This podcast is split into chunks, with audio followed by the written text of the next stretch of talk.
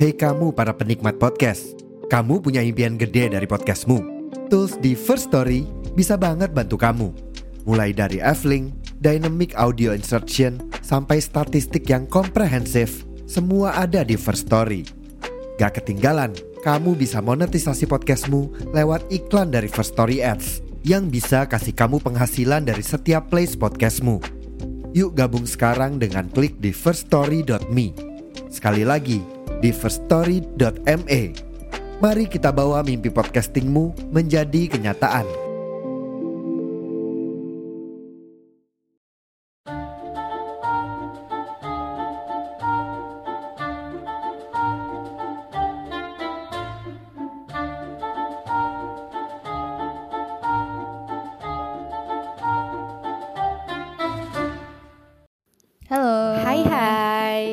Lama sekali tidak berjumpa kita. Lama sekali tidak berjumpa. Berapa tahun deh? Enggak deh, enggak nyampe tahun deh. Tahun-tahun tahun. Terakhir kita itu 2021 2020 gak sih? Oh my god. Kalau nggak salah ya. Ini udah 2023 kawan. Ke mana aja kita san? Eh, Alhamdulillah masih hidup ya. Alhamdulillah. Heeh. walaupun emang banyak badai menerjang. Barely hanging in there, tapi alhamdulillah masih hidup. How's Oman? By the way, Mila habis eh, tinggal di Oman selama Cie. satu dekade alias satu. Setahun sih gue di Oman. Gue jadi bingung nih mau pakai bahasa apa. Takutnya dia nggak ngerti kan. Tiba-tiba pulang-pulang gue udah bahasa Arab semua gitu ya. Iya. Oh. Belajar bahasa Arab dalam sebulan. How's Oman by the way? Oman enak kalau lagi sekarang-sekarang. Ya kalau panas panas ya. Kalau panas tuh bisa sampai 40 derajat lebih. Kemarin Iya, nyari kan iya, jadi iya. gue rencana mau ke Oman lagi tahun ini. Eh, Hmm. tengah tahun. Kalau kemarin kan gue di Oman Januari, eh, masih winter, masih dingin, udaranya enak, banyak angin walaupun mataharinya tetap panas cuma banyak angin dinginnya gitu loh.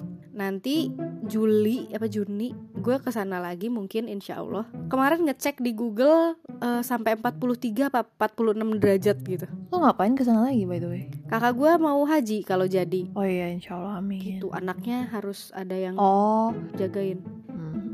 Oke Oke, em, jadi kita mau ngomongin apa nih sekarang San? Di episode ke ngomongin lagi lupa nih Jadi gue tuh apa lagi banyak lihat-lihat kayak ada kasus yang menarik apa gitu kan Yang bisa kita cover di Hmm. Sebenarnya banyak banget sih Cuman kayak kadang tuh kalau misalnya gue mikir eh, mental issue atau apa tuh kayak kalau cuman ngebahas misalnya nih anxiety ya udah anxiety doang gitu. Hmm, kayaknya bland aja gitu bukan bland sih. Banyak banget yang bisa di cover as in jadinya nggak fokus gitu loh menurut gue ya. Hmm, Tuh iya. kalau misalnya kita fokus ke satu kasus gitu kayak misalnya yang kemarin kayak pembunuhan apalah terus kayak kasusnya siapa gitu kan kita kayak bisa studi case study case apa sih? Yes, studi kasus iya. gitu lah gitu. Jadi kali ini kita bakal eh, temanya adalah minds of a villain lagi. Oke, nice. Uh, uh, Mind of a Villain uh, jadinya gue bakal ngebahas tentang orang yang melakukan kejahatan gitu lah. Hmm, gitu. Sebelumnya teman-teman kita disclaimer dulu kalau ini tuh agak grafik. Oh, jadi please skip kalau nggak tahan dengerin kekerasan oke. ke anak kecil binatang dan lain sebagainya ya. Jadi agak takut nih. eh lu kuat nggak sih dengerin begini? Aduh, aku mau muntah nih kak, gimana ya? berisik Nggak serius serius serius Nggak, Karena gue gue juga waktu waktu gue mau bahas ini tuh gue agak concern Eh Mila bisa gak ya dengerin Oh emang separah itu? banget? Lumayan Oke gue gak akan segrafik itu mungkin Jadi gue gak akan nggak nyebut yang gak perlu gitu kan Eh tapi gue kepo, nggak apa nggak apa, kayaknya kuat kok. Ya udah, I mean, gue nonton macem-macem juga. Eh gue nggak tahu ya, tapi sejauh ini sih belum ada yang kayak gue nyesel banget nonton ini gitu, belum ada sih. Dan ini cuma dengerin doang Iya, sih Jadi kayak lo gak doang. perlu ngelihat apa-apa juga sih Oke oke, boleh lah nggak apa. Ayo kita dengarkan. Oke, eh, sebagai pembuka, gue akan ngebacain satu artikel dari The Sun tentang kasus ini ya. The Sun. Kayak kompas gitu. Ah, oke. Jadi ada eksekutif penjualan gitu di perusahaan linen gitu. Namanya David. Dia tinggal di Sacramento, di California, US. Nah, dia punya istri namanya Teresa atau Terry gitu manggilnya. Eh, dia istrinya itu eh, lagi hamil 3 bulan, anak pertamanya mereka which is kayak anak cowok gitu. Rencananya namanya Dane gitu lah. Hmm. Terus suatu hari tanggal 23 Januari 1978, jadi ini tahun 70-an ya. Mm-mm. eh, David pergi perjalanan kantor gitu lah, gue nggak tahu sih, cuman kayak perjalanan kantor gitu sekitar 400 kilo ke Danau Tahoe. Gue nggak tahu tuh ngomongnya Tahoe atau Tahu ya. Tahoe. Gue kira Oke. ejaan yang belum disempurnakan. Eh tahu, iya siapa tahu 70-an kan. Iya tapi kan bahasa Iya, Indonesia iya, coy. Jadi Sacramento please.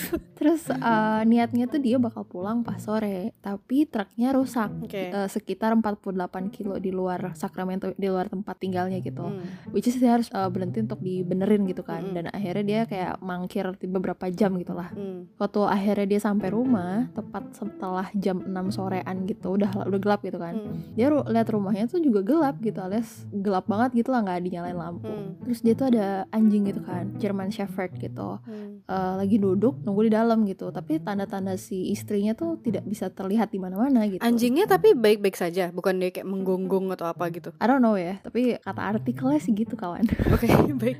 oke terus anehnya juga stereo di rumahnya itu dinyalain gitu terus kantong sampah yang penuh sampah masih ada di dalam rumahnya ditaruh di tengah lorong gitu Kalau gue membayangkannya aja udah takut ya. enggak ini bukan hantu kawan Iya, tapi kayak kayak something something iya emang sinister Iya. banget sih something strong. Terus dikeliling kantong sampahnya itu ada kayak noda hitam gitu di karpet dan dia awalnya tuh mikir dia pikir itu minyak gitu. Hmm. Nah si David ini ngikutin noda-noda itu lewat eh, lorong, terus dia jalan tuh ke kamar dia ke kamar utama. Hmm. Terus dilihatlah itu istrinya Teresa. Jadi dia ngelihat Teresa lagi tiduran di pintu masuk. di pintu masuk. Ah, tubuhnya udah kebelah, ususnya udah ketarik keluar, Wow. bajunya turun sampai ke pergelangan kaki darahnya di mana-mana dan dia kelihatannya hampir nggak dikenalin dia langsung histeris gitulah Iyalah. terus dia lari ke tetangganya dan telepon polisi kira-kira begitulah uh, artikelnya. Jadi intinya tuh gini ceritanya. Ini gue langsung ke ceritanya ini udah selesai artikel. Oke, oke. jadi Teresa itu ditembak dia ditusuk berkali-kali. Terus banyak organ yang dilepas dari badannya dan yang parahnya lagi kotoran anjingnya dimasukin ke mulutnya. The di mayatnya juga ada tanda kekerasan seksual. Dan si pelakunya itu minum darahnya Teresa. Terus dituangin ke wadah dia mandi pakai darah itu.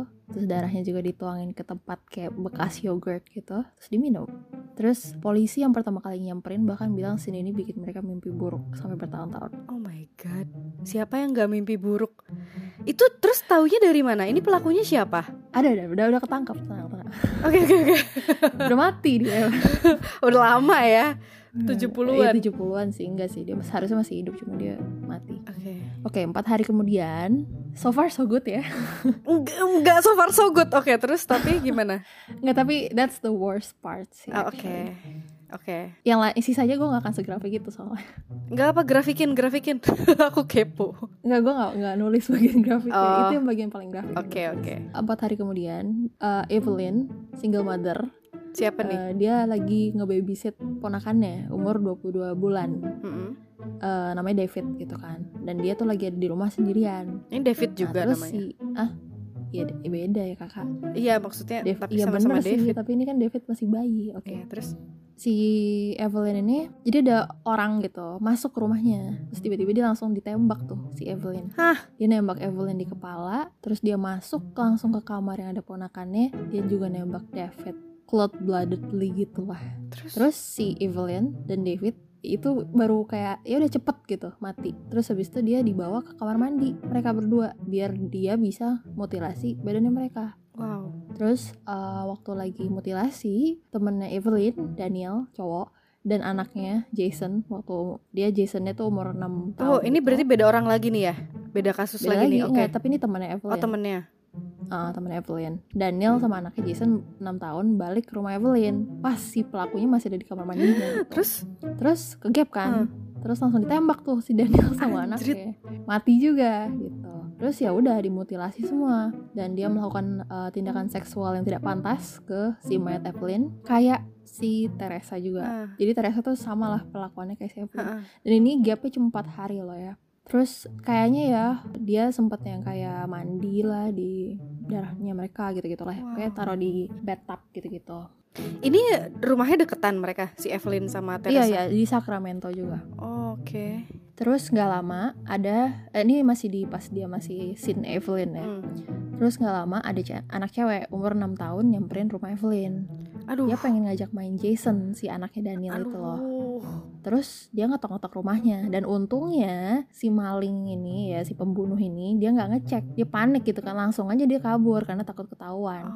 Tapi karena dia belum selesai dia bawa tuh si David ponakannya Evelyn yang masih bayi itu yang tapi udah mati kan? udah mati ya dibawa karena dia masih belum selesai sama mayatnya Wah.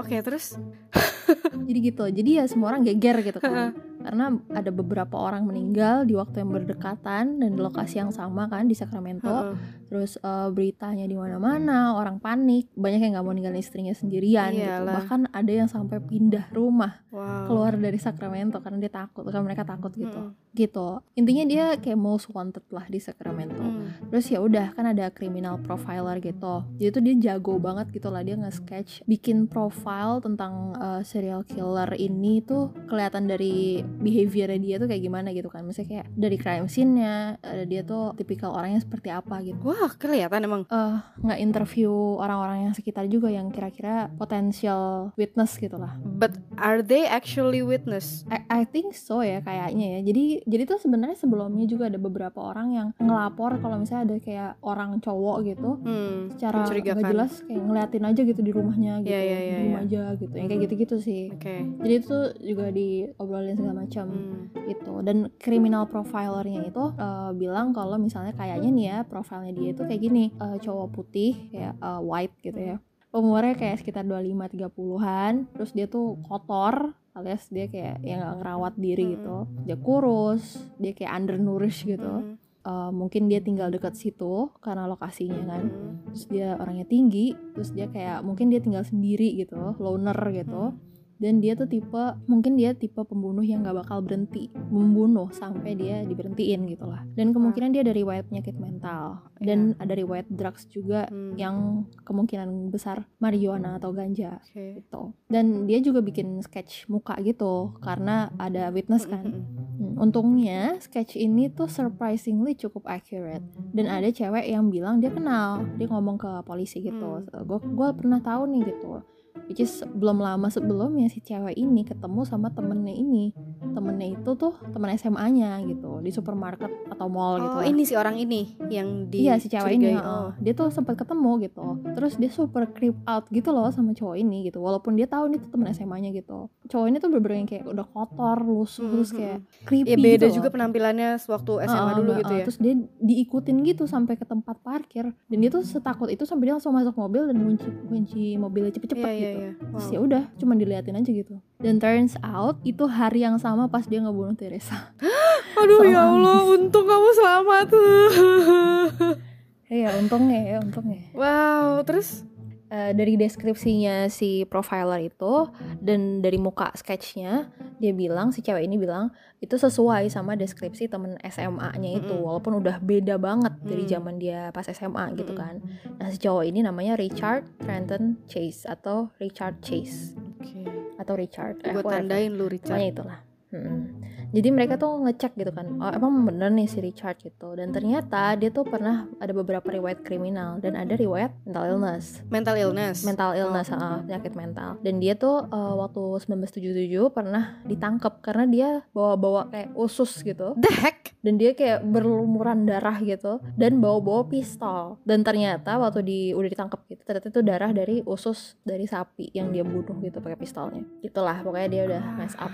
Sian banget lu. Iya, jadi ya udah tinggal dicari deh kan udah tahu nih Iya. Richard gitu kan. Ternyata deket dan mereka tuh pada ke apartemennya. Dia nyoba kabur tapi gagal. Dan isi apartemennya chaos banget Iya. gitu. No jadi wonder. eh, ada darah di mana-mana, ada daging di mana-mana sampai apa? ada daging busuk di dapurnya. Berantakan banget, baju di lantai kecuali satu tempat yaitu lemarinya dia. Lemarinya ini tempat dia nyimpen pisaunya dia dan pisau itu bener-bener disusun rapi bersih itu bener-bener kayak out of place banget lah itu Hmm. polisi tuh nemuin organ-organ dan darah di mana-mana dan gak cuman di meja dapur tapi mereka juga nemuin tiga blender isinya full sama organ dan darah gitu. Oh my god. Itu tuh itu itu semua organ manusia apa gimana tuh? Em, ada hewan juga sih, I guess. Aduh, ya buat latihannya gitu ya. Kemarin-kemarin kan dia hewan. Enggak sih, mungkin emang ya oke. Nih gue ceritain tentang Richard dulu deh. Oke. Jadi Richard Chase ini dia eh, lahir 1950 ya di Sacramento,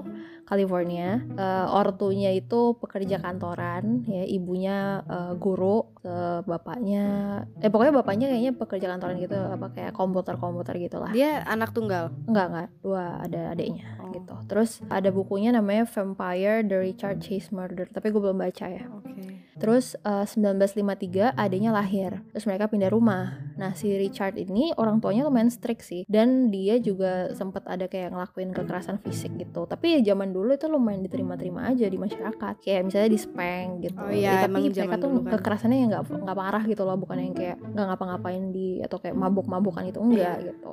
Ya standar yang zaman dulu Iya, lah. standar, Kalau iyalah, bandel dipukul ya gitu kan. Iya, iya tapi beneran dipukul sih. Iya, ya Cuman iyalah. ya Zaman ya dulu. udah gitu. Ya orang tuanya tetap care gitu loh, maksudnya tetap Iya. sayang gitu sama si anaknya gitu. Mm, mm, mm. walaupun ya apa disiplinerinya gitulah Mm-mm. cara ngedisiplininnya mereka tuh banyak kayak financial issue gitu sih tapi mereka tuh nggak tetap well dressed gitu alias kayak nggak appear kalau mereka tuh nggak punya uang gitu lah istilahnya Oh. terus dia tuh kelihatannya normal anak normal gitu loh sampai gurunya tuh bilang dia tuh anaknya manis terus dia kayak kooperatif ya anaknya gitu-gitu yang kayak bener-bener bagus lah maksudnya kayak Hmm. dia Ya nggak ada masalah. asik gitu Mm, heeh. Baik-baik saja. Sampai SMA juga masih gitu kan berarti? sampai umur 10 gitu lah Oh, oh Nah tahun umur 10. 1961 atau umur 11-an Hah? itu mereka pindah rumah gitu lah. Hmm. Cuman tetap kayaknya broke atau gimana sampai rumahnya dijual lagi. Tapi dari situ dia udah mulai suka ngebunuh kucing, nge-torture gitu, disiksa gitu-gitu. Terus dikubur di dekat rumahnya. Nah ini ditemuin sama ibunya. Wah, terus Tapi ibunya kayak cuman pura-pura nggak tahu aja gitu. Di shrug it off. Bukan ditaruh di terapi gitu langsung. Tapi ya udahlah ya mungkin zaman-zaman segitu kayak iya. mungkin lebih gampang buat ya udah dilupain aja gitu. Mm-mm. Ya selama dia bukan orang gitu kan kayak eh udahlah kamu aneh Ya, tapi iya ya udahlah sih, cuman gitu. kan kayak eh, anjir anak gue gitu. ya Iya. sih? Padahal harusnya itu udah jadi tanda. buat sekarang sih ya itu red flag banget sih kayak Iya. anak lo kayak gitu sekarang sih tidak mungkin dibiarkan. Itu tapi berarti cuma sampai umur 10 dia normalnya. Katanya si oh enggak enggak temannya I mean kayak waktu dia umur 10 dia udah mulai suka bunuh kucing tapi Oh, kayak masih nggak tahu kelihatan baik-baik triggernya apa ya? dari awal mungkin dia udah disturb Mm, kali mm, mm, mm. I don't know ya tapi ada background sedikit sih tentang ibunya jadi eh, orang tuanya itu pernikahannya kurang harmonis Hmm. gitu lah intinya jadi kayak sering berantem Mm, mm. Nah, ibunya itu suka nuduh suaminya ngeracunin ngeracunin dia. Terus suka nuduh suaminya selingkuh lah sama tetangganya di tempat umum yang mana itu sebenarnya nggak benar gitu. Jadi orang-orang sekitar kayak tetangganya gitu mikir si ibunya tuh emang punya mental issue juga gitu. Bahkan ibunya tuh pernah ditaruh di RSJ gitu loh dan karena mereka berantemnya tuh kenceng-kenceng banget terus kayak teriak-teriak gitu ya si Richard bisa ngedengerin semua yang ibunya Iya. omongin gitu loh iya. Tapi ya sebenarnya in general Richard tuh ya sih dibilangnya super normal aja gitu punya temen terus kayak main baseball gitu terus disukain orang-orang gitu jadi kayak dia bikin uh, ulang tahun ke-12 tuh dia bikin party dan partinya tuh sukses gitu Wow. which is berarti kan dia well like kan berarti Iya, orang-orang pada ha-ha. suka sama dia gitu Bukan yang loner Iya. banget gitu. iya loh. makanya itu agak aneh sih menurut gue Hmm. Terus eh, waktu umur 13 dia pernah masak, terus kayak gagal total gitu, berantakan banget, terus kayak bener-bener ngebakar pancinya lah atau apa gimana gitu. Hmm. Terus kayak gagal lah, ya, minyak gitu-gitu di mana-mana gitu. Terus ya udah ditinggal gitu aja nggak diberesin. Dan ini tuh jadi kayak ritual tiap harinya dia gitu loh. Pernah juga kayak tengah malam dia kayak nyalain heater di rumahnya sampai full, terus dia buka baju telanjang gitu terus tiduran di sofa gitu. Nggak jelas lah. Pokoknya orang tuanya jadi concern gitu lah Hmm. dan dia pernah ngebakar garasi tetangganya gara-gara dia nggak suka sama musik yang di setel tetangga udah mulai aneh gitu ya Iya, tapi sampai ngebakar, coy. Maksudnya yang ya ya baik. Oke, oke. Ini ini dia pas teenager berarti. umur 13 Ya. Hmm. Awal-awal, oke. Heeh, terus dia pernah ditahan karena dia punya ganja terus kan masih kecil jadi hukumnya masih kayak ringan ya nggak dipenjara kayak cuman disuruh apa sih social work gitu gitulah ya Mm, mm, mm, mm. terus eh, sejak itu tuh mulai hancur tuh mental illnessnya makin parah gitu Hmm.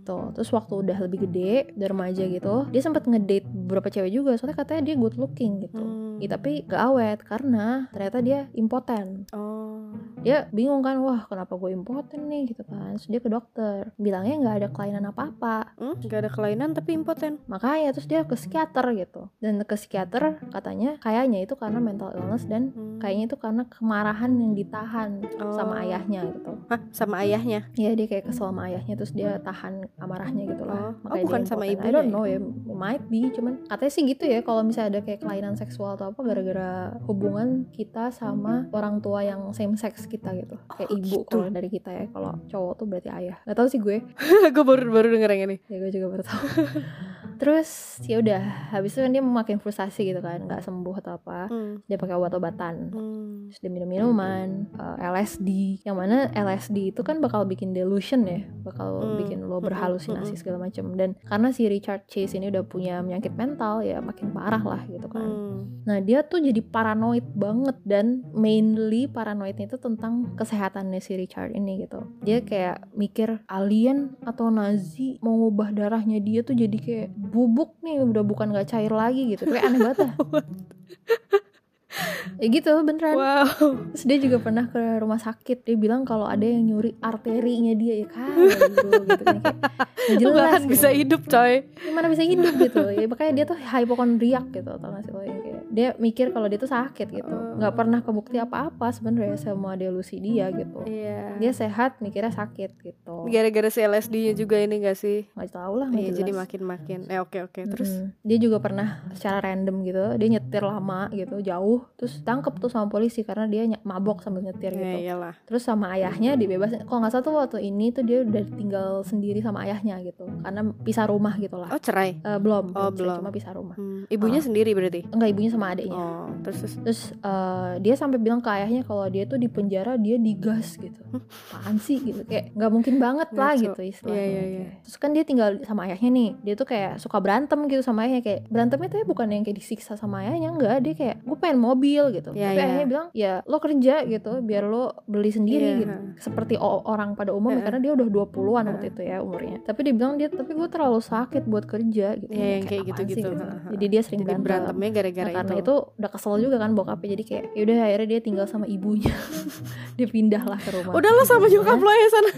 iya kayaknya. Tapi dari cerita ini tuh gue mikir kayak mungkin bokapnya juga sebenarnya masih care-care aja gitu sama dia. Buktinya dia di penjara ya dikeluarin Iya, gitu sama bapaknya terus kayak peduli-peduli aja gitu ya gak sih Iya, maksudnya nggak yang di abandon banget lah gitu walaupun mereka sering Oh. berantem. Mungkin ada nggak kesukaan ke anaknya juga tapi ya dia masih anak gua gitu kan. Terus Iya, gua ditinggalin di penjara. Ya nggak di abuse juga udah, gitu Gua bebasin lah. Heeh. tapi dia tinggal waktu tinggal sama ibunya tuh dia juga ngeluh-ngeluh sakit mulu gitu Iya. dia jadi kurus gitu kan adiknya tuh sampai takut soalnya dia tuh kayak tantrum Loh. pokoknya dia galak gitu lah Iya, terus iya. dia nggak pernah mandi kotor gitu gitulah dia Alasannya apa tuh dia nggak pernah mandi? nggak tahu dia Takut arterinya dicolong lagi kali. eh, bisa jadi Tahu Hmm. deh, Terus kayak nggak lucu aja gitu arterinya dicolong.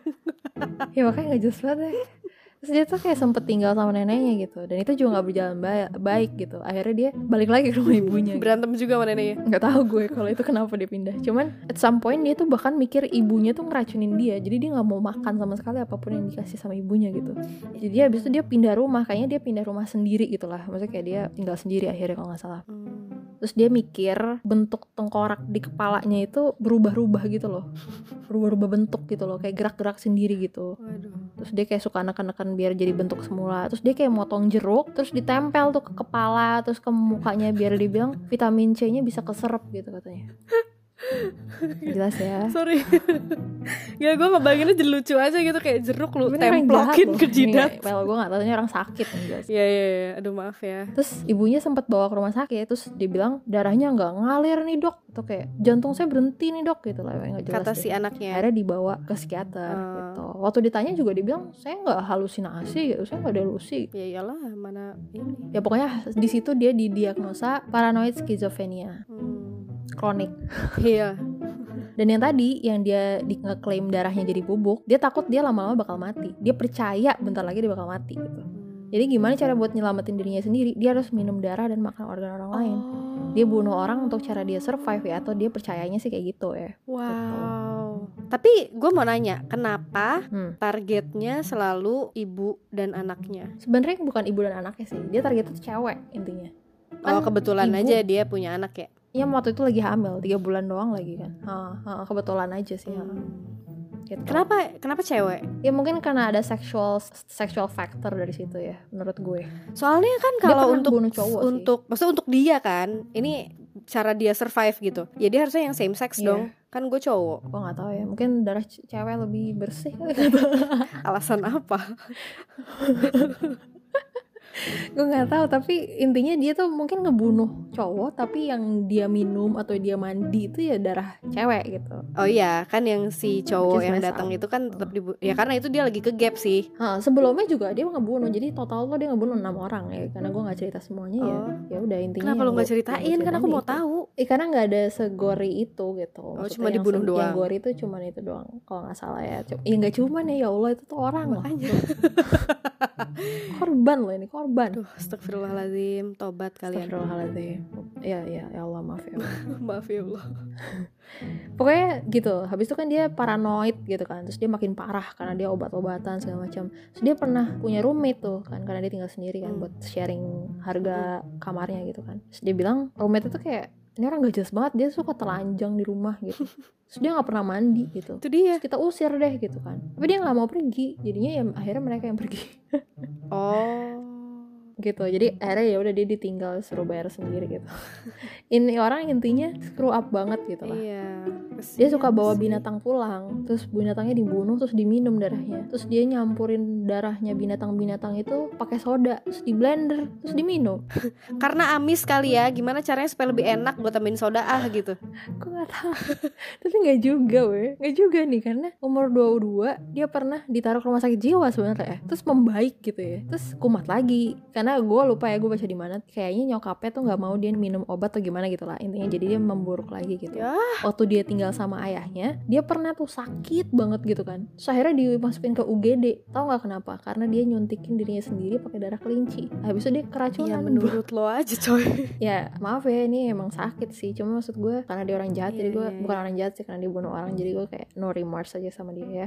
Walaupun kasihan juga sih sebenarnya. Ya emang messed up di kepalanya. Kan dia pernah nyobain binatang juga Pernah nyuntikin juga Tapi nggak works kan Malah dia masuk UGD Jadi dia kayak Oh berarti nggak bisa disuntik gitu Terus eh, binatang Oh gue kayaknya masih sakit Gue bentar lagi masih mau mati Dan lain sebagainya Cobain orang gitu. Iya. Kayak melakukan segala cara Supaya dia bisa hidup gitu loh hmm. Emang emang mentalnya sih salah ya emang dari awal mentalnya tapi kayak Tapi he's not a bad person I mean ya emang he's not sih cuman ya sarannya aja yang salah dan penanganannya nggak tepat Nah, itu kan. penanganannya. Which is kayak tahun 70-an ya Iya, what do you expect makanya. gitu dari mental illness Itu dia jadi intinya crime scene-nya dia tuh selalu gory gitu loh ya. Hmm. dia tuh didiagnose sama paranoid schizophrenia which is dia itu severe banget dan nggak bisa disembuhin. Dan waktu awal 20-an tuh dia udah ngebunuh orang gitu ya. Mm-mm. tahun 1977 dia tuh udah ngebunuh orang randomly aja gitu waktu dia lewat gitu. Dia nembak cowok gitu bapak-bapak. Kasian banget. Di jalan. Terus polisi cuma mikir kayak itu peluru nyasar aja gitu tuh kayak orang nggak jelas gitu barbar. Ternyata itu awal dari dia melakukan pembunuhan itu gue nggak ngerti kenapa dia ngelakuin itu ya Ini dia honest. ngaku kan berarti dia pernah ini pernah itu Iya, heeh, dia ngaku. Cuma saya gue nggak tahu kenapa dia membunuhnya itu. Dan kayak, nah ini nih, dua minggu setelahnya yang dia bunuh bapak-bapak ini, dia bakal nyoba keliling-keliling ke perumahan. Ini tuh berarti sebelum Teresa dan lain-lain kan? Kayaknya belum deh. Hmm. Atau kayak sembari gitu loh ya, Oke. sambil gitu. Dan dia tuh kayak nggak pernah nyoba maksa masuk rumah. Dia bakal ngecek pintu-pintu rumah yang nggak dikunci. Dan dia bakal masuk. Kalau pintu dikunci, Enggak jadi. dianggap itu sebagai tanda dia nggak diundang dan nggak boleh masuk. Oh. By the way kalau cerita ini nggak bikin lo parno dan bakal selalu inget buat kunci pintu, gue nggak tahu lagi cerita apa yang bisa. Wow. This is a real story bro. Oh, oke.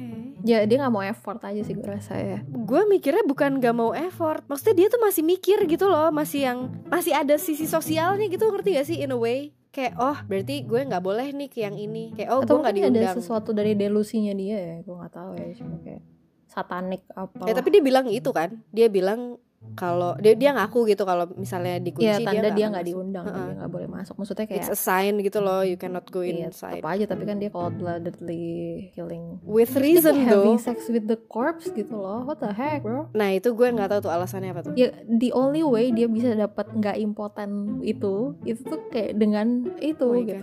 Oh my god. Dan udah berantakan pula bentuknya kan udah bukan Iya udah. normal badan utuh kan, udah dipotong lah, ususnya dikeluarin lah. Ah, gory banget dah. Man, what's wrong with you? Itu. Oh skizo. God, Kasian dia dia pernah kayak maling ke rumah orang gitu. Orang kosong sih rumahnya. Terus kayak randomly aja gitu ngacak-ngacak rumahnya gitu. Tapi nggak ada yang diambil gitu. Dia cuman kayak pipis di tempat tidur bayi gitu sama buang air besar gitu di kamar.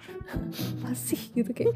Jelas Kayak binatang liar gitu loh, Iya, masuk gua- terus gua mikirnya juga kayak gitu sih kayak di mana-mana gitu berantakan, Oh, tapi ya ya udah nggak di lagi. mana sih kayak iseng aja gitu aku sini ah Iya, maksudnya I ya dia meninggalkan kotoran dia gitu. Ya, jadi tuh katanya tuh ada dari si criminal profiler yang tadi gue bilang itu dibilang ada dua tipe pembunuh. Yang pertama organized sama disorganized. Jadi yang pertama tuh organized tuh kayak psikopat, dia pinter yang kayak di film-film gitu lah ya. Iya. Dia merencanakan segalanya Iya. gitu. Terus kalau satu lagi yang disorganized, biasanya nih cowok, terus dia kayak penyendiri gitu. Terus dia tuh nggak pinter gitu biasanya. Hmm. Terus dia kayak kotor, chaos, Hmm. delusional, sama spontan. Hmm, Nah si Richard Chase itu katanya kayaknya sih masuknya kayak disorganized ya, obviously obvious. karena dia ninggalin semuanya di mana-mana Iya. gitu kayak DNA-nya bodo amat deh gitu. Heeh, heeh. Kan dia kan mandi di bathtubnya Iya. si yang Evelyn itu kan. Ya pasti dia handukan dong ya gak sih? Itu terus taruh Iya. aja gitu handuknya. Itu dia, gue mau nanya, itu mandi itu maksudnya mandi mandi beneran apa mandi darah? Mandi darah lah. Mandi darah terus dilap pakai towel gitu ya. Ya Allah, Iya. gue pikir udah yang darah di mana-mana banget ini.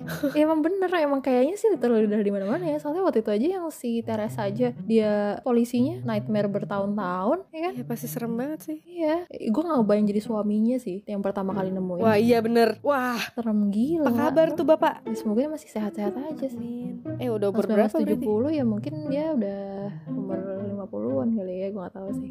Nah si Richard Chase ini dia bunuhnya tetap untungnya eh, bukan untungnya ya cuma maksud gue dia nggak nge-torture gitu kan orang-orang pada bilang tuh ya "Eh, Richard Chase nih sadis nih dia tapi bukan sadis yang kayak gitu dia bukan bukan nge-torture dia tuh cepet ngebunuhnya cuma ditembak aja gitu terus mati gitu Afternya aja baru dia Dia- papain. uh-uh, dia tuh nggak mau komunikasi sama orang-orang kayak dia nggak mau ribet gitu lah Iya. ada yang kayak struggle atau apa Iya. gitu Eh, intinya dia kayak jadi tuh main course-nya dia tuh setelah victimnya udah pada meninggal gitu Iya, loh heeh. ngerti nggak sih waktu itu dia pernah dirawat di rumah sakit jiwa kan yang tadi gue bilang Hmm. itu tuh dia bener kayak ngomonginnya tuh darah mulu gitu sampai dia dijulukinnya tuh vampir Hmm. jadi makanya dia tuh istilah lain dari Richard Chase adalah Vampire of Sacramento Iya, iya, iya. tuh gue kasih lihat mukanya deh Vampire biar lo tahu. of Sacramento. Gue sambil Nih. nyari. Iya, kayaknya sih pas Ya. muda kalau dia pas lagi kelihatan bener ya kalau dia kalau dia proper ya oke sih menurut gue Makanya. nih kayak gini nih ya lumayan sih tapi ya habis itu kayak begini terus lu bayangin dia nggak mandi terus berlumuran darah ya Iya. serem juga sih ya bro Siapa yang tidak takut? Heeh.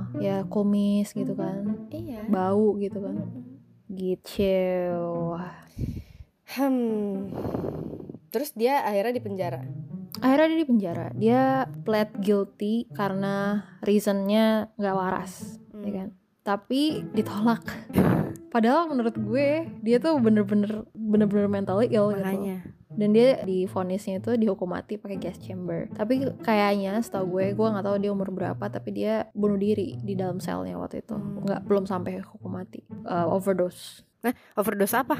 overdose pil antidepresan kali gak tau gue gitu Miel jadi itulah Richard Chase tapi sekarang gue mau ngebahas soal apa yang ada di balik pikirannya si Richard Chase which is paranoid schizophrenia Ya, Jadi oke. skizofrenia itu kalau menurut alo dokter, ini sumber kan ya? Eh, skizofrenia paranoid itu adalah salah satu jenis skizofrenia yang ditandai dengan gejala khas, seperti keyakinan pada sesuatu yang tidak nyata dan halusinasi. Ya ini dia kan. Meski bisa diderita oleh siapa pun, kondisi ini lebih sering dialami oleh orang yang berusia 16 sampai 30 tahun.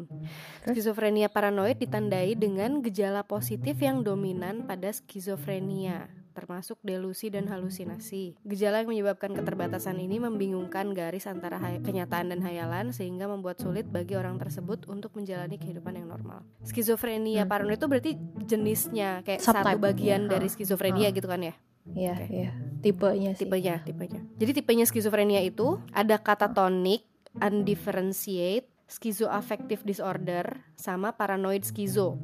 Kalau katatonic itu katatonic ya, nggak bisa gerak, diam, Ah, frozen. Ada gerak. Yang paling sedikit Jarang banget kata tonik ini. Mm-mm. Nah, dikit. dia nggak makan, nggak minum, nggak pipis, buset lu nggak usah hidup aja. Terus undifferentiate itu apa nih? Gue nggak tahu, dia nggak dijelasin. Schizoaffective disorder tuh yang delusional, mood disorder. Ini berarti Dia sebenarnya delusional juga, tapi dia kayak dia dicampur sama mood disorder gitu ya, setahu gue. hmm, Gitu.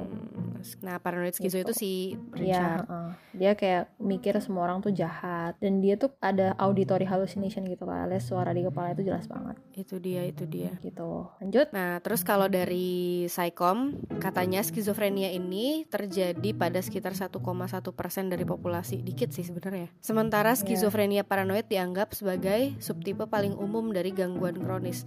Jadi dia yang paling bahaya, tapi dia yang paling umum ditemukan. Ya makanya skizo sebenarnya bahaya ya walaupun 1,1 ya kawan. Iya sih. Sangat tidak lazim bagi skizofrenia untuk didiagnosis setelah usia 45 atau sebelum usia 16. Ya, dia remaja onsetnya. Umumnya pria terjadi lebih awal dalam hidup dibandingkan wanita. Oh, tapi dia mayoritas pria nggak? Apa? I'm not sure. Oke. Terus ada lagi nih dari Cleveland Clinic, istilah skizofrenia paranoid sebenarnya adalah nama kuno untuk subtipe skizofrenia. Para ahli tidak lagi menggunakan atau mengakui istilah ini. Sebaliknya, para ahli mengakui skizofrenia sebagai penyakit tertentu yang merupakan bagian dari spektrum kondisi terkait yang melibatkan psikosis. Nah, makanya gue juga nggak inget ada empat itu tuh. Berarti ini itu Iya, yang lama kayaknya kan? itu yang lama Iya, gitu. Iya, iya, iya. Ah, Oke, oke, oke. nih. Berarti sekarang tuh nggak gitu lagi namanya. Ya skizo aja kayaknya. Iya, jadi skizo aja. APA atau Asosiasi Psikiater Amerika menghapus skizofrenia paranoid dari daftar diagnosis resmi saat memperbarui DSM-5. DSM-5. Ya, ini Heeh. kitabnya psikologi yang diterbitkan di tahun 2013. Ya udah, pokoknya udah nggak ada lagi namanya. Hmm. Gejala awal skizofrenia mungkin tampak cukup biasa dan dapat dijelaskan oleh sejumlah faktor lain. Ini termasuk sosialisasi yang lebih sedikit dengan teman, sulit tidur, mudah tersinggung, atau penurunan nilai. Maksudnya Nilai, nilai value. itu kali nilai sekolah. Oh, nilai sekolah. Nggak tahu gue nggak tahu gue tahu. Ini uh, translatean Oke, kakak. oke. Selama onset skizofrenia juga dikenal sebagai fase prodromal, gejala negatif meningkat. Gejala negatif ini mungkin termasuk semakin kurangnya motivasi, berkurangnya kemampuan untuk memperhatikan atau isolasi sosial. Jadi party isolated. atau- Eh, sebelumnya, itu sebelum Iya, dia iya. masuk ke fase prodromal ini, Hmm. kayaknya. Berarti harus ada triggernya dong. Nah itu, itu yang makanya gue tuh bingung gara-gara pindah gak sih? Tapi nggak juga dia pindah beberapa kali sih setahu Oh. gue. Gue nggak tahu detailnya ya. Hmm, Oke. Gejala lain apa? Tanda-tanda peringatan bahwa psikosis mungkin akan segera terjadi termasuk yang pertama melihat, mendengar atau merasakan hal-hal yang tidak dirasakan orang lain. Ini halusinasi tadi ya, yang ada auditory Oh, hallucination dan lain-lain. Kurang percaya diri dan rasa takut umum terhadap niat orang lain. Eh, oke. Maksudnya takut Parno parno, gitu. Maksudnya takut kayak, orang nanti uh, gini gitu kan. gitu. Ya ya. Pikiran atau keyakinan yang tidak biasa dan tetap bertahan. Kayak Oh iya. dia tuh mikir ya itu tadi yang gak jelas gak jelas itu loh yang dia Hmm. darahnya berubah jadi bubuk lah Nggak jelas. jelas banget. Kok terus ya? aneh gitu loh kayak lucu tapi Kayak bocil ngomong ngawur iya justru saking ngawurnya tuh gue sampai ketawa gitu kayak arteri lu hilang kenapa harus arteri Tolong dong ada yang nyuri arteri gue gitu. Hah?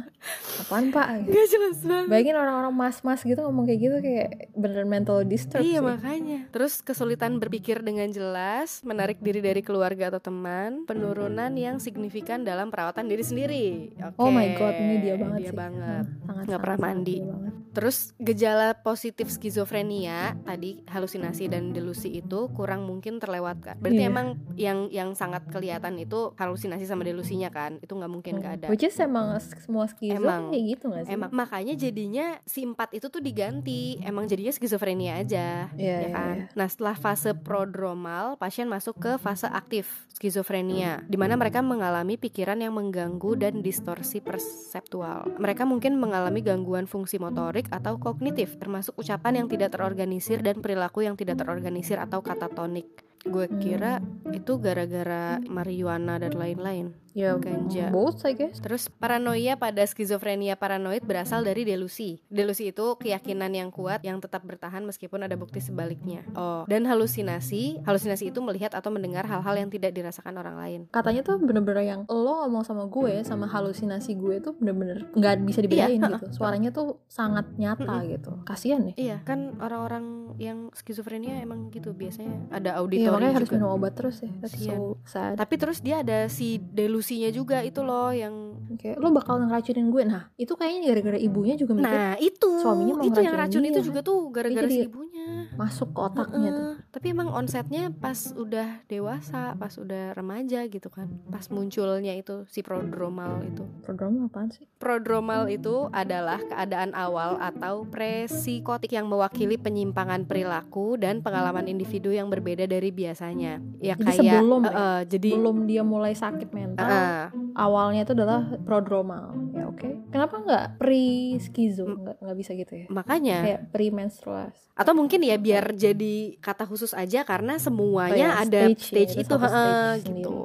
Seorang pasien mungkin mendengar suara atau suara di kepala mereka yang tidak mereka kenali sebagai pikiran mereka sendiri atau suara internal. Suara ini bisa merendahkan atau bermusuhan, mendorong seseorang untuk melakukan hal-hal yang seharusnya tidak mereka lakukan. Yang kayak Most likely ini orang skizo kayak begini. Iya, sih. emang kayak gitu. Tapi serem jadi kayak nggak worth it. Heeh, jadi kayak ada evil presence di kepala lo gitu loh. Terus perilaku Hmm. aneh dan tidak lazim terjadi sebagai hasil dari delusi dan halusinasi ini. Seseorang dengan skizofrenia mungkin yakin bahwa pemerintah memata-matai mereka dalam upaya untuk membahayakan mereka dengan cara tertentu.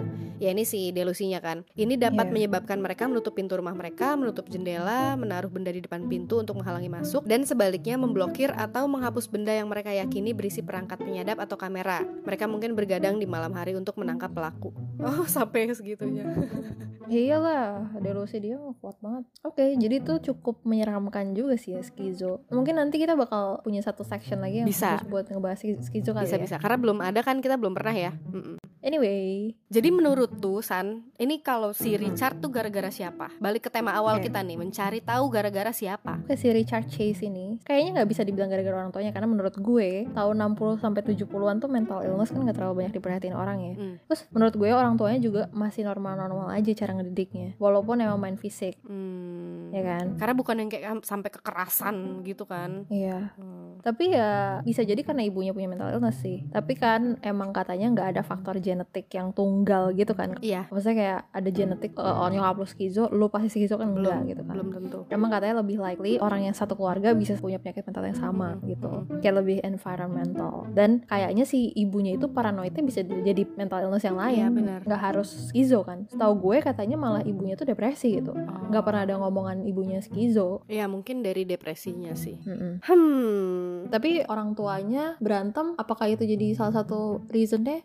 Bisa sangat jadi. mungkin. Tapi kayaknya dan cerai juga akhirnya. Oh. Endingnya cerai, tapi cerai tahu umur 20-an, kayak udah gede. Iya. gitu. Jadi itu menurut gue itu bukan reasonnya si Richard. Nah gue nggak tahu dan gue belum yakin dan kayaknya orang-orang yang ngebahas tentang kasus ini juga nggak yakin reason mainnya si Richard punya skizo ini tuh apa. Sebenarnya mungkin kalau alasannya ya itu kan dari si ibunya udah ada bawaan penyakit mental, terus lingkungannya mungkin tidak mendukung dia untuk jadi orang yang sehat juga gitu. Gua nggak tahu tapi apa Iya. ya. Cuma trigger penyebabnya dia tuh apa gitu loh, nggak tahu kita. Bener-bener yang kayak dia nggak jatuh atau Heeh, apa gitu. kayak yang ya udah kayak- gradually aja dia memburuk. Heeh. Dan itu kinda scary gak sih?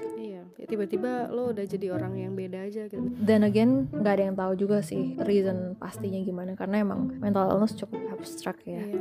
Nah kalau untuk skizonya itu menurut lo gara-gara siapa nih? Gara-gara apa? Kalau si skizofrenianya, jadi menurut National Health Service, penyebabnya dari skizofrenia tuh masih belum diketahui, nggak jelas. Hmm. Gak ada gara-gara A gitu nggak ada. Kalau penelitian itu menunjukkan bahwa kombinasi faktor fisik, genetik, psikologis dan lingkungan dapat membuat seorang lebih cenderung untuk mengembangkan kondisi tersebut. Jadi emang campuran dari segalanya, dari genetiknya juga, tadi kan si ibunya, terus lingkungan ya segala yang terjadi setelah dia keluar di dunia ini. Mhm. Terus beberapa orang mungkin rentan terhadap skizofrenia dan kejadian kehidupan yang penuh tekanan atau emosional mungkin memicu episode psikotik. Tapi apa ya? Dia nggak ada nih, nggak jelas nih. Namun tidak diketahui mengapa beberapa orang mengalami gejala sementara yang lain tidak. Ya kan, makanya jadi nggak jelas. Makanya penyebab pastinya tuh nggak ada, nggak tahu. Cuma jadi dia bisa resikonya bisa lebih tinggi karena ada beberapa faktor nih. Yang pertama tadi faktor genetik. Skizofrenia itu cenderung menurun dalam keluarga. Jadi kalau ibu lo punya bibit skizofrenia, lo bisa kena skizofrenia juga. Tapi nggak ada satu gen tunggal yang diyakini bertanggung jawab. Bukti bahwa gangguan ini sebagian diturunkan berasal dari studi pada saudara kembar. Oke, karena kembar kan punya gen yang sama kan.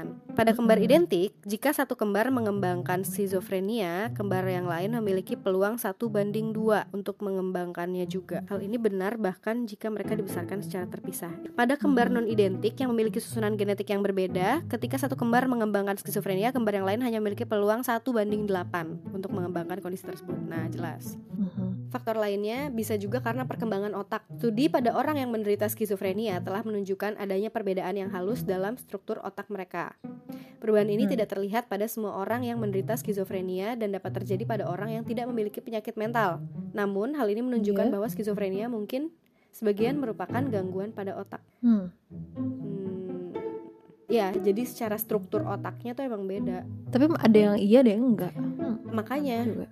makanya makanya masih nggak jelas dia gara-gara Ah. apa bisa banyak gitu loh nah terus yang ketiga itu adalah neurotransmitter. Neurotransmitter itu adalah zat kimia yang membawa pesan antar sel otak termasuk hormon kalau nggak salah Oh, kita pernah bahas ini nih di Hah? eh, episode 12 neuropsychology Oh. waktu kita ngomongin brain facts. Oh iya. Terus neurotransmitter. Neurotransmitter adalah zat kimia yang membawa pesan antar sel otak. Itu termasuk hormon tuh Hmm. neurotransmitter. Ada hubungan antara neurotransmitter dan skizofrenia karena obat yang mengubah kadar neurotransmitter dalam otak diketahui dapat meredakan beberapa gejala skizofrenia. Penelitian menunjukkan bahwa skizofrenia mungkin disebabkan oleh perubahan pada dua neurotransmitter dopamin dan serotonin. Jadi kalau dopamin sama serotoninnya tiba-tiba berubah nih, ya kadarnya di otak lu itu Mhm. bisa bikin skizofrenia. Skizofrenia. Jadi ada ada ketidakseimbangan hormon, c Hmm. Gitu. Nah, oke. beberapa studi menunjukkan ketidakseimbangan antara kedua neurotransmitter tersebut mungkin menjadi dasar masalahnya. Lainnya menemukan bahwa perubahan sensitivitas tubuh terhadap neurotransmitter merupakan bagian dari penyebab skizofrenia. Jadi maksudnya kalau lo nggak sensitif tubuhnya bisa mengurangi kemungkinan terjadinya skizofrenia kalau dia kadar dopamin dan serotoninnya berubah gitu ya. I guess. Nah, terus yang keempat itu adalah kehamilan dan komplikasi saat lahir. Ini jadi penting banget nih, bu ibu yang lagi Bu, hamil ibu. mohon dijaga kesehatannya ya, karena kalau Ya, Bu ya. ada apa-apa nih bisa kena ke Ntar anaknya. kamu juga yang repot loh, nanti anaknya jadi kriminal. Makanya, ntar bisa jadi kayak Richard. Amit. Penelitian telah menunjukkan bahwa orang yang mengembangkan skizofrenia lebih cenderung mengalami komplikasi sebelum dan selama kelahiran mereka. Misalnya nih, contohnya underweight, Bayinya kayak enteng banget gitu. Beratnya tuh di bawah rata-rata gitu ya, di bawah di bawah standar yang seharusnya. Kayaknya si Richard gitu deh. bisa jadi prematur juga. Terus bisa karena asfiksia atau dia kurang oksigen saat lahir. Ya itu makanya Hmm. jadi sistem tubuhnya Serem ya? nggak nggak ini kan nggak bener kan? Ya tapi ini salah satunya doang sih. Salah Dan nggak selalu ya betul, kawan. betul. Belum tentu. Tapi ada beberapa trigger juga nih katanya yang bisa bikin skizofrenia itu develop sama orang yang emang high Oh, risk Oke, gitu ya. ini bisa jadi nih. Triggernya tuh bisa nih. jadi karena stres. Mungkin si Richard itu stres lama-lama karena jadi kayak meledak gitu ya dia stres gara-gara si orang tuanya apa cek Berantem mulu kali. berantem melulu. Bisa jadi stres karena lingkungannya berubah. Eh, rumah gue sekarang ganti terus habis itu ganti lagi, habis itu ganti lagi gitu kan. ya Bisa jadi atau bisa ya macam-macam lah kita nggak tahu ya. putus atau Putus juga bisa. Orang Dia kan nggak nggak ini kan nggak lancar hubungannya sama Iya, pacar-pacarnya karena sebelumnya kan impoten. karena si impoten itu. Bisa jadi gara-gara itu juga. Stres karena dia secara sosial nggak bisa kayak orang lain nih, nggak bisa punya pacar ya dan lain sebagainya. Physical, sexual, or emotional abuse tuh juga berpengaruh tuh kalau ada kekerasan seksual di Iya, rumah. trauma mungkin. Ya, trauma gitu-gitu. These kinds of experiences, although stressful, do not cause schizophrenia. Jadi belum tentu ya. However, they can trigger its development in someone already vulnerable to it. kalau risknya udah gede terus ada trigger ini ya makin Ya, jadi, makin jadi gitu kan karena ada si stres. Mhm. Oh, drug abuse juga bisa. kayaknya dia sangat masuk akal nih Sangat masuk akal. Richard. Bisa karena drug abuse. Katanya obat-obatan itu tidak secara langsung menyebabkan skizofrenia, tapi penelitian telah menunjukkan bahwa penyalahgunaan obat meningkatkan resiko terkena skizofrenia atau penyakit serupa. Hmm. Beberapa jenis obat, terutama ganja, kokain, LSD, atau amfetamin dapat memicu gejala skizofrenia pada orang yang rentan. Dia tadi, waktu itu kan dia berarti LSD terus ganja juga kan ya, dan dia tuh heavy drug abuse kayaknya jadi kayak ya ini makin nge-trigger dia punya skizo juga sih gue rasa bener. Hmm. Tuh nggak boleh, makanya kalian tuh ngapain sih ngedrugs? Penelitian telah menunjukkan bahwa remaja dan orang dewasa muda yang secara teratur menggunakan ganja lebih cenderung mengembangkan skizofrenia pada usia dewasa nanti. Emang nggak ada bagusnya tahu? Ya mungkin pada saat itu gitu ya, dia kan jadi worry Happy. free gitu loh, kayak. "Ha, hidupnya jadi enak, jadi happy gitu. Tapi Hmm. sebenarnya itu jangka panjangnya malah merusak badan lo sendiri. Iya. Oke, menarik sekali. Jadi in the end kita nggak tahu ini gara-gara siapa ya Mel ya. Nggak jelas, karena Nggak emang jelas. skizofrenia juga nggak jelas Ah. dari Sebenarnya semuanya berarti ya gara-gara semua yang Ya, ada di hidupnya dia gue campuran dari segalanya. Oh, emang campuran. kasihan sih makanya gue tadi tuh bukan jadi sebel sama dia, lebih ke kasihan karena emang dia kayaknya emang gak bisa disembuhkan banget gitu loh kayak parah banget mental illnessnya. Iya dan orang tuanya juga nggak. Yang gue bingung tuh waktu itu dia ka- katanya pernah membaik. Terus dia udah minum obat, terus kayaknya tuh dia nggak lanjut minum obatnya gara-gara Iya. kalau nggak salah ibunya nggak mau apa gimana gitu. Jadi ya udah akhirnya makin lama makin parah. Ya itu makanya membantu kan sebenarnya si obat-obat itu. Karena ada obatnya tadi membantu, hubungannya sama si obviously. dopamin dan Ah. serotonin kan. Emang itu juga penyebabnya gitu. Oke, interesting. Kesian Richard. Heeh. Jadi ya gitulah cerita tentang Richard Chase. Pasti ada sih dokumenterinya, cuma gue belum nonton. Hmm. Pasti banyak sih yang ngebahas. Cuma emang menurut gue agak kasihan juga karena dia nggak bisa bilang kalau dia guilty karena mental illness. Dia bilang gitu tapi Dia bilang tapi Ditolak, nggak di uh-uh. Heeh. akhirnya dia dibunuh aja gitu. Hmm. Tuh. Tapi ya Indian dia mati sendiri sih. Maksudnya kayak Iya, dianya yang eh, bunuh dia diri. bunuh diri. heeh. Jadi Hmm. apa pesan moral kali ini? Pesan moral. Ya, intinya kalau misalnya ada kerabat lo yang bunuh kucing, kasih ke psikiater deh penting. Jangan didiemin aja, jangan pura-pura nggak tahu ya. Ini kan si Richard kan tahun 70-an ya. Oke lah. Sekarang kan udah zaman milenial nih, cuy. Udah 2023. Yang kayak gitu-gitu tuh red flag loh. Jangan Sangat. diabaikan. Apalagi orang-orang terdekat mending langsung diajak aja. Anterin Mm-mm. sekalian kalau dia males-malesan, nggak mau ah gitu. Heeh. Anyway, ya kalau misalnya kalian yang merasakan ketidaknyamanan soal hidup atau gimana, terus butuh teman bercerita, please uh, reach out to us aja ya. Kalau misalnya nggak ada teman, it's okay. Boleh banget, boleh banget. Boleh banget. Kita ada email di mana Mil? Gara dua siapa at gmail.com ya nggak? Ya, uh, emailnya di gara dua siapa at gmail.com. Duanya pakai angka. Gara-gara siapa tapi gara dua siapa at gmail.com. Duanya pakai angka. Ya. Kalau misalnya ada masukan topik yang mau dibahas, Betul. Kalau ada topik-topik seru mungkin atau nggak usah topik lah, kalian mau curhat apa gitu boleh juga sih. hmm. Silahkan. Oke, segitu dulu kali ya Mil.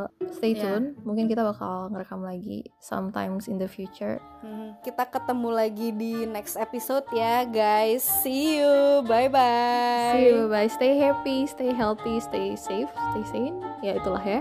Oke, bye bye. Bye.